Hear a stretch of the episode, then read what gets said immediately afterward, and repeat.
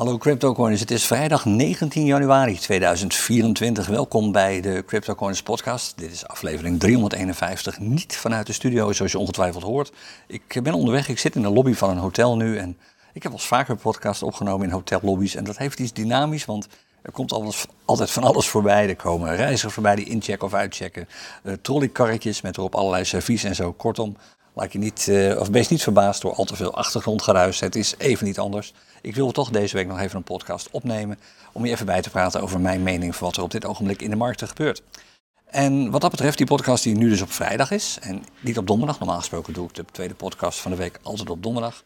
Geeft al aan dat er iets bijzonders aan de hand is met de planning. Nou, de podcast dus, die is een dag later. Maar ook het café waarin ik live aan het traden ben, verschuift deze week. Het zou oorspronkelijk eergisteren zijn geweest, woensdagavond. Maar het wordt nu vanavond. Dus ik ga volgens mij voor de eerste keer in de geschiedenis van CryptoCoiners op vrijdagavond live traden in het CryptoCoiners Café. Je bent van harte welkom om daarbij te zijn. We beginnen om half acht. En de link is, zoals je ongetwijfeld weet, www.cryptocoiners.nl slash café. Dus dat is vanavond om half acht. Uh, alle andere interne mededelingen laat ik even lopen, want ik heb niet al te veel script bij me op dit ogenblik. Dus het meeste gaat uh, vandaag even uit de losse pols. Uh, ik weet wel dat ik volgende week een paar dingen even met je ga doornemen. Een van de dingen waar ik volgende week sowieso even met je over praat, is over het nieuws dat de EU de, van, weer bezig is geweest en van de gesprekstafel is gekomen met een serie nieuwe richtlijnen als het gaat om crypto en witwassen. En de meningen zijn binnen de cryptowereld nogal verdeeld. Want het lijkt er nu op, maar nogmaals, daar kom je volgende week op terug, dat die nieuwe regels van de EU het voor cryptobedrijven um, noodzakelijk maken om zulke strenge uh, regels door te voeren als het gaat om Know Your Customer. Dat, nou, die regels zijn nog strenger dan de, de, regels die banken moeten hanteren. Dus de omgekeerde wereld eigenlijk. En je moet je voorstellen, tenminste als de EU, als die richtlijnen erdoor komen, het zijn nog geen regels, maar als ze erdoor komen, dan moet een cryptobedrijf, denk bijvoorbeeld aan Bitfavo, straks bij een transactie van 1000 euro of meer al heel nauwgezette verificatie doen. Ja, dat is natuurlijk echt de omgekeerde wereld het laat zien. En dat is alleen maar om terrorisme te voorkomen. Ze denken dat ze daarmee de financiering van uh, terroristische activiteiten kunnen voorkomen. Maar heel veel van die richtlijnen zijn vooral gericht op witwassen, namelijk het kopen van hele dure auto's, hele dure horloges, hele dure reizen en noem maar op en zo naar mijn mening volledig doorgeslagen. Maar ja, je kent mijn mening hierover. We gaan eens kijken of dit er allemaal doorkomt. Dus deze regels zijn nog niet in werking. Het is op dit ogenblik alleen maar een voorstel waar de EU ontzettend enthousiast over is. Je leest alleen maar positieve persberichten. Oh, wat fantastisch dat we dit hebben bereikt. Maar er is nog niks bereikt. Het is alleen maar een voorstel. Volgende week hier meer over. Um, ook hebben we volgende week natuurlijk absoluut nog wel even over de Bitcoin ETF's, die inmiddels uh, alive en kicking zijn. Een van de dingen die heel interessant is, en die geeft eigenlijk al antwoord op de vraag of de daling van de bitcoinprijs die je nu meemaakt iets zegt over het vertrouwen in bitcoin. Naar mijn mening nee, er is niks aan de hand met de waarde van bitcoin. En mijn vertrouwen in bitcoin is nog nooit zo groot geweest. Nou, dat wordt min of meer bevestigd door iedereen die op dit ogenblik al die ETF's begint op te kopen. Want die bitcoin waardepapieren, die ETF's, de totale waarde daarvan, als je ze allemaal zou willen kopen, betaal je nu al meer dan als je alle zilver-ETF's zou willen aanschaffen. Dus in no time, dit is hoe lang? Anderhalve week, nog niet eens, is de marktwaarde van alle Bitcoin-ETF's al hoger dan de marktwaarde van alle zilver-ETF's. Hoe positief wil je het hebben wat nieuws betreft? En hoe kan het dan dat de prijs van Bitcoin daalt? Want heb je ongetwijfeld meegekregen. We hebben gisteren zelfs een prijsdaling van iets boven de 40.000 dollar gezien. En het antwoord naar mijn mening heel simpel: winstnemingen. Niets anders dan dat. Daar komen we eigenlijk nu al op terug, want we gaan meteen naar de charts. Ik doe er een paar en de kwaliteit is niet zoals je hem gewend bent waarschijnlijk, want ik doe dit eventjes vanaf een notebook. Uh, dit is de Bitcoin dagchart op het ogenblik. Daar is iets belangrijks te zien. Die Bitcoin dagchart is namelijk omgekeerd. Hij was bullish en hij is nu bearish. Dat ging heel, heel, heel rap opeens. We hebben een nieuw dal gezien dat lager is dan het vorige. We hebben een nieuwe piek gezien die ook significant lager is dan de vorige. De piek is een enorm stuk gedaald. De vorige piek was ruim 49.000 dollar. De huidige piek is 43.500 dollar. Dus 5.500 dollar van de prijs afgegaan. En misschien weet je nog, ik weet niet of ik dit vorige week heb gezegd of de week daarvoor. Maar ik heb een keer aangegeven dat ik best wel reken op prijsdalingen richting de, wat was het volgens mij, 37.000 dollar. Ik kan dat beter zien als ik even de, de urenchart erbij pak. Ja, 38.000 dollar. Daar had ik een lijn op getekend. En vorige week, toen ik dat zei, toen hadden we te maken met een absolute prijsontwikkeling nog naar boven toe. We hadden net die ETF's gehad. En vlak daarna schoot die prijs ook richting de 49.000. En laten we eerlijk zeggen, van 49 naar 37. 12.000 dollar eraf, terwijl net de ETF's zijn uitgegeven. Nou, dan kregen we ook best wel wat flames over van hoe kun je zoiets nou zeggen. Totaal irrealistisch. Helaas is dat gewoon toch weer niet zo. Want nu, op dit ogenblik, hebben we een trough en die hebben we gisteren bereikt. En we hebben er zelfs vandaag ook alweer bijna even opgezeten. Een trough van 40.600. Dat is nog maar een paar duizend dollar verwijderd van die enorme low die vorige week wel science fiction leek. Het laat gewoon zien hoe krachtig het hele mechanisme van pieken en dalen functioneert. Iets om gewoon heel goed rekening mee te houden. En als ik nu kijk, even vooruitlopend op een snelle analyse van mijn charts. Als ik nu kijk naar de trend op de dagchart, die dus nu bearish is geworden. je weet, de prijs loopt eigenlijk altijd met de trend mee. En ik kijk ernaar of die trend wel of niet wordt bevestigd door de urenchart. Dan kan ik niet anders dan concluderen, we gaan die 37 waarschijnlijk wel halen. Dus mijn verwachting is dat we in de buurt van die 37, 38.000 dollar gaan komen. En dat daar zoveel support zit, zoveel ondersteuning, dat we daarna weer snel naar boven veren. Maar het biedt natuurlijk ideale instapmomenten. Dus als je nog aan het kopen bent, uh, kan ik me goed, en je hebt vertrouwen in bitcoin, kan ik me goed voorstellen dat je zegt, weet je wat, elke 1000 dollar dat de prijs daalt, uh, koop ik een beetje bij. En verkoop op dit ogenblik dus niet, want dan waarschijnlijk koop je terwijl de prijs aan het dalen is. En dat is ongeveer precies tegenovergesteld wat je zou moeten doen. Je koopt als de prijs daalt en je verkoopt als de prijs stijgt. Heb ik verkocht, volgens mij heb ik dat vorige week ook aangegeven, toen de bitcoinprijs in de buurt van de 49.000 dollar zat? Ja, natuurlijk, uiteraard. Winst nemen. En dat hebben dus heel veel mensen gedaan. Toen de ETF's uh, uitkwamen, toen dus de toestemming er was om ETF's te gaan uitgeven, hebben heel veel uh, beleggers hebben hun winst genomen. En er was op dat moment relatief weinig kooplust in de markt. Dus de liquiditeit, de hoeveelheid beschikbare dollars in spotmarkten om bitcoin te kopen, was niet al te groot. En dat heeft een prijsdaling op. En dat, die levert het nog steeds op. Je ziet nog steeds dat het meeste volume ontstaat, dat gaan we zo op de Eurochart even terugzien, bij dalende bitcoinprijzen. En dat is een teken dat er weinig liquiditeit in de markt zit op het ogenblik. Mensen kopen gewoon later dan ze normaal zouden doen. Dat betekent dat verkopers, winstnemers, genoegen moeten nemen en vaak ook nemen met wat lagere prijzen dan ze eigenlijk hadden gehoopt. Er zit dus een stevig plafond nog steeds rond die 50.000 dollar. En daar bokst de prijs voorlopig ook nog wel even tegenaan. Maar voordat het zover is, gaan we gewoon eerst wat dalingen zien. Die gaan we gewoon meemaken nog, naar mijn mening. De nieuwe piek, ik zei het al, een stuk lager dan de vorige. We zijn nog steeds op weg nu, of eigenlijk weer op weg, naar een nieuw dal, een nieuwe trough. En een paar dingen die je in de gaten wilt houden. Dit keert pas om. Dit kan omkeren. Je hebt gezien hoe snel we van bullish naar bearish kunnen. Hoewel die bearish dip die we nu zien, hebben we ook dinsdag al zien aankomen. Dinsdag hebben we even de, dag- en de urenchart erbij gepakt. Weet je nog? Toen zeiden we, oh, pas op. Er zijn wat signalen die aangeven dat het waarschijnlijk uh, de kant naar beneden opgaat. Nou, hier, zijn de, is het resultaat daarvan. Het kan naar boven schieten, maar er moet wel iets heel belangrijks gebeuren. En dat zie ik dus nu nog even niet plaatsvinden. Kijk naar op de dagchart die gele lijn. Dat is een MA20, een voortschrijdend gemiddelde van de laatste 20 uh, sluitprijzen. De prijs zit daar nu onder. Maar daar, dat betekent dat die MA20 nu een weerstandslijn is, een plafondlijn. En de prijs heeft gewoon moeite al een aantal dagen lang, eigenlijk al sinds zaterdag, om daar boven te komen. Zolang, en die prijs staat nu op 43 nog wat, 43.700 ongeveer. Zolang de prijs daaronder blijft, blijft de trend bearish. Wat de pieken en dalen ook doen, de trend blijft bearish. En dat niveau van 43.700, 43.600, dat wordt twee keer, het wordt zelfs drie keer getoond op het ogenblik. Door drie indicators die we er eigenlijk altijd bij hebben staan. Allereerst die MA20, die gele lijn. Rond de 43.500, plus of min 200. Dan die grijze lijn, dat is de middelste lijn van de sto sto uh, stochastic sorry, van de uh, Keltner Channels. Hoop herrie op de achtergrond hier. Van de Keltner Channels. Ook die prijs zit in de buurt van de 43.500. En dan die rode lijn, dat is de laatste piek die we hebben gezien afgelopen dinsdag. Ook die zit rond de 43.500. En de prijs zit daar een behoorlijk stuk onder, op 41.400. Dat laat keihard zien dat we te maken hebben met een zwaar plafond. Zware weerstand aan de bovenkant. Pas als de prijs daardoorheen breekt, structureel, een paar dagen lang, dus een paar dagen lang boven die MA20 sluit, boven die 43.500 sluit, dan weet je dat er weer een grote kans is op een opwaartse trend. Maar zolang dat niet gebeurt, reken gewoon op dalende prijzen. En als we door de trough heen breken die we hebben gezien, het dal van 40.600 van gisteren, dan is het kwestie van echt gewoon rustig afwachten totdat we die 37, 37.500 dollar gaan halen, waar een zware vloer zit. Daar zit ook veel opwaartse druk, veel support. Maar het lijkt er inderdaad op dat we dat niveau nog gaan bereiken. Ik houd dus met name die MA20 in de gaten. Ik kijk nu naar de Keltner Channels. Ik kijk ook naar de Unbalanced Volume Indicator, die op dit ogenblik ook weer bearish is. Er is gewoon weinig positiefs te halen op deze chart. Het verklaart ook dat het rapportcijfer een 4 is. Uh, er zijn op deze chart twee dingen die ervoor zorgen dat het rapportcijfer geen 6 meer is. Allereerst, we hebben een rode candle gehad gisteren. De sluitprijs gisteren was lager dan de sluitprijs van de dag ervoor. 1 punt er vanaf.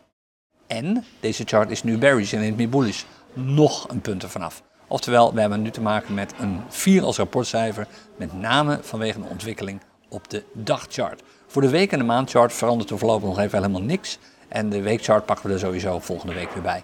Uh, bij het begin van de week kijken we even naar de weekchart, hoe die er dan voor staat. Het heeft geen zin om nu te kijken, want je kijkt alleen maar naar candles die klaar zijn. En de weekcandle is pas aanstaande maandagochtend vroeg klaar. Of eigenlijk de nacht van zondag op maandag. Nou, dan die urenchart. De dagchart is bearish, kunnen we heel lang over onderhandelen, maar hier is alles op deze chart is gewoon bearish. Hoe ziet het er dan op de urenchart uit? Bevestigt de urenchart wat we op de dagchart zien of spreekt de urenchart dat tegen? Als dat zo is, als de urenchart eerder wat bullish laat zien, is dat een signaaltje dat het op de dagchart ook zou kunnen gaan omkeren. Maar als de urenchart dit bevestigt, dan weet je gewoon, ja, we zijn keihard op weg naar beneden. Het is nog even niet anders. Nou, hier is de urenchart. En op de urenchart ja, krijg je eigenlijk naar mijn mening gewoon een bevestiging van wat je op de dagchart al ziet. Laten we even beginnen met de OBV, de Unbalanced Volume Indicator. Sinds ehm, gisteravond 5 uur, nou eigenlijk als we terugkijken, sinds, dan moeten we echt ver terug, hier ongeveer, dinsdagnacht, de nacht van uh, woensdag op uh, sorry, donderdagnacht, de nacht van woensdag op donderdag, uh, is de OBV min of meer neutraal geweest. En daarvoor een tijd ook al. Hè. Kijk, de, het gemiddelde van de OBV en de OBV zelf, die lopen gewoon over elkaar heen. Oftewel, nauwelijks volatiliteit hier, nauwelijks beweging, nauwelijks zichtbaar sentiment. Dan even een kort bearish sentiment, gevolgd door een kort bullish sentiment en daarna weer, daarna weer neutraal. En nu opeens een knalhard bearish sentiment volgens de OBV. Dat hier dus al werd aangegeven vlak voordat de prijs eigenlijk begon te dalen. En op dit ogenblik zie je al een tijdje lang dat de prijs opnieuw in de buurt van zijn gemiddelde zit. Sorry, de OBV in de buurt van zijn gemiddelde zit. Maar er eerder onder hangt dan erboven hangt. Dat is bearish. Waar je ook naar wilt kijken, en de OBV heeft een wat toekomstvoorspellende waarde.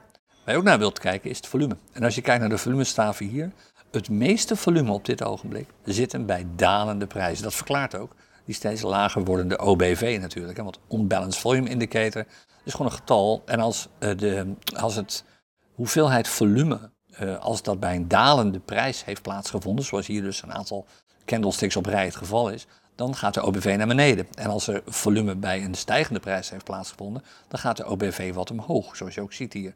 Maar een dalende OBV is over het algemeen een voorspeller van een dalende prijs en dus ook een dalende trend. Dus dat is al dat volume, heel veel rode staven hier in de volumebalk. Uh, en wat ook interessant is om, mee te, om naar te kijken zijn deze. De MA20, die gele lijn, en die MA50, die oranje lijn. In een bearish klimaat, met een bearish trend, staat de prijs onder de MA20 en de MA20 onder de MA50.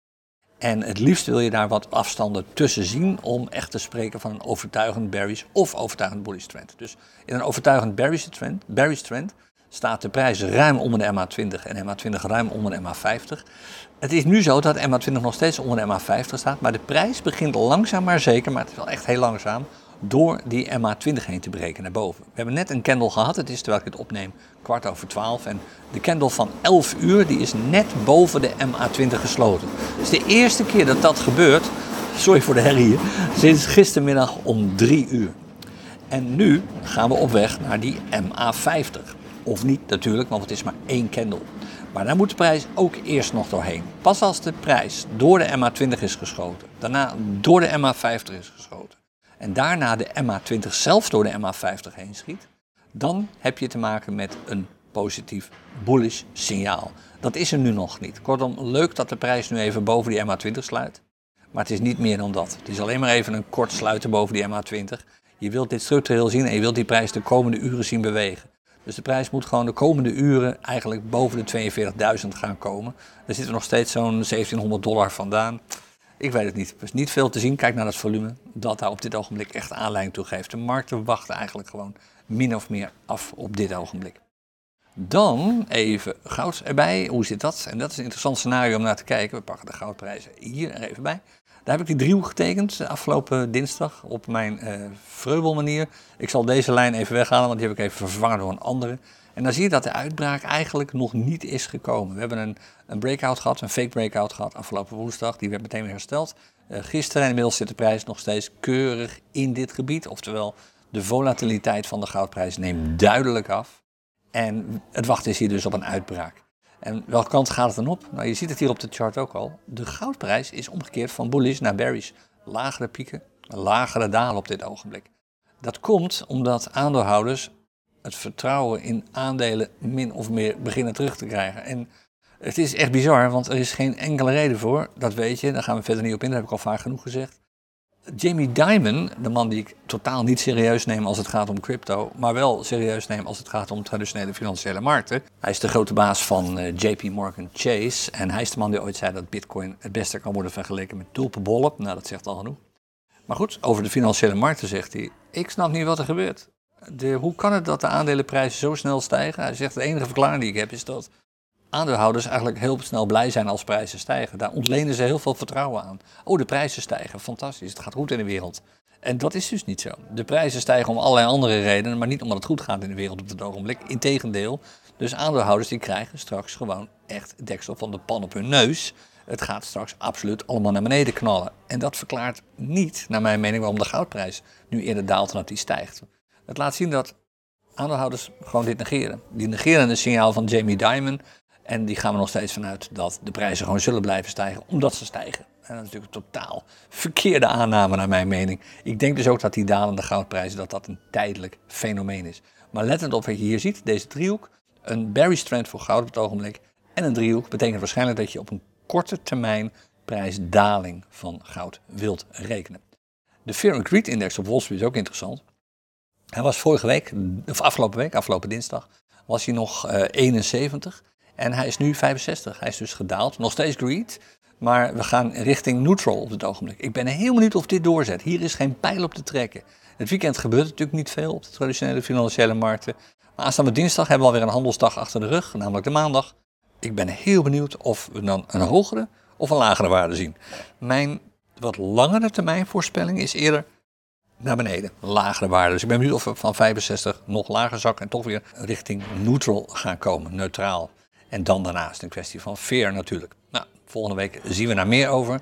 Nog even wat crypto data. Hier is de, uh, de heatmap, de crypto bubbles heatmap. En je ziet veel rood op deze chart, zelfs een aantal donkerrode munten.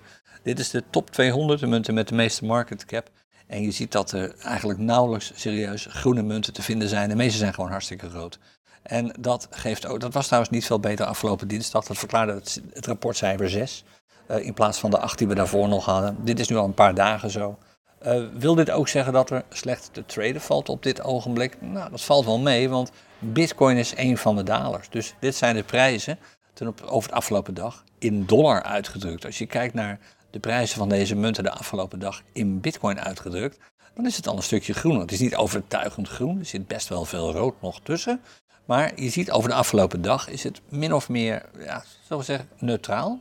Dus zo zie je misschien een klein beetje meer dalingen dan stijgingen. Over het afgelopen uur gekeken is het er veel meer groen dan rood. Kijk, je valt. En de groenen zijn ook echt behoorlijk groen. Er zijn niet zoveel rode bubbeltjes meer over het afgelopen uur in de Bitcoin-prijsontwikkeling en in de dollarprijsontwikkeling. Dat is deze. zie je datzelfde herstel eigenlijk. Dus op dit ogenblik herstelt het een en ander zich alweer. Dat zie je ook terug als we tot slot nog even de scanner erbij pakken, die heel veel meldingen geeft. Houd natuurlijk goed even in de gaten wat de markttrends zijn als je, is, als je besluit om in te stappen op deze meldingen. Kijk, een, een markttrend waarbij een munt 70,5% bullish is, is natuurlijk een betere munt om in te stappen dan eentje waarbij de markttrend 83% bearish is. Houd dat even goed in je achterhoofd. Oké, ik zal de melding even stoppen, want er zijn er flink wat op het ogenblik en dat leidt alleen maar af. De barometer, die gaat dus over bitcoin, met bitcoin als basismunt. Nou, die zagen we net al even op Crypto Bubbles. Je ziet die dagbarometer min 0,6, maar de 4 uur en de urenbarometer zijn al positief. Dat maakt het relatief makkelijk om te daytraden met bitcoin als basismunt op dit ogenblik. Maar houd hier achterhoofd, dit kan snel omslaan. Er hoeft maar één paniekreactie uit de markt te komen en bitcoin knalt onderuit naar die 37.000. Dan weet je dat dit onderuit schiet. Dus blijf niet te lang in trades zitten. Belangrijk, dat zou ik in ieder geval niet doen op het ogenblik. als je de klassieke cryptocurrency methode gebruikt. En gebruik je de uh, 2.0 methode, waarbij je niet alleen maar naar oversold en overbought kijkt, maar ook de trends in de gaten houdt, dan is de dollartrend interessant om te zien, want je zult vaak met dollar als basismunt traden. En kijk, die is 1% bullish op het ogenblik. Het is niet spectaculair natuurlijk, want er is geen één munt te vinden nu die voor 100% bullish is. Maar 1% bullish eh, als markttrend is een stuk beter dan we de afgelopen weken natuurlijk gezien hebben. Voor bitcoin-markten ziet het er iets minder gunstig uit. Dat komt omdat veel munten toch wat sneller nog in prijs zijn gezakt dan de bitcoin is gezakt. En dan kost het gewoon even wat tijd om dat te herstellen. Uh, die staat nu op 6% bearish. Dus voor bitcoin-markten, als je de 2.0 strategie gebruikt, je vindt wat minder muntparen waar alles gewoon overtuigend bullish is dan bij uh, dollarmarkten. Maar er is genoeg te vinden, er is genoeg te daytraden op het ogenblik. En dat gaan we ook vanavond proberen natuurlijk uh, in het CryptoCoins Café. Het zou leuk zijn als je tijd kon maken om daarbij te zijn. We beginnen om half acht, ik zei het net al. De link is www.cryptocoins.nl slash café. Aanstaande dinsdag ben ik ook weer met uh, een nieuwe aflevering van de CryptoCoins podcast. Dan waarschijnlijk weer gewoon, hopelijk weer, gewoon vanuit de studio. En dan klinkt het ook allemaal weer een stukje beter. Geen voorbijrijdende trollies meer, kwam er net weer een voorbij. En um, ik ben er vanavond dus in het café. Verder ben ik er later vandaag ook nog met een aflevering van de Money Professionals podcast. Die gaat over het stellen van prioriteiten. En volgens mij was er wel. Oh ja, en maandag hebben we ook nog een, een mini-clinic op Patreon. Als je daarin geïnteresseerd bent, www.cryptocoins.nl slash Patreon. Dat was hem. Ik spreek je snel weer, vanavond al. Tot dan. Dag.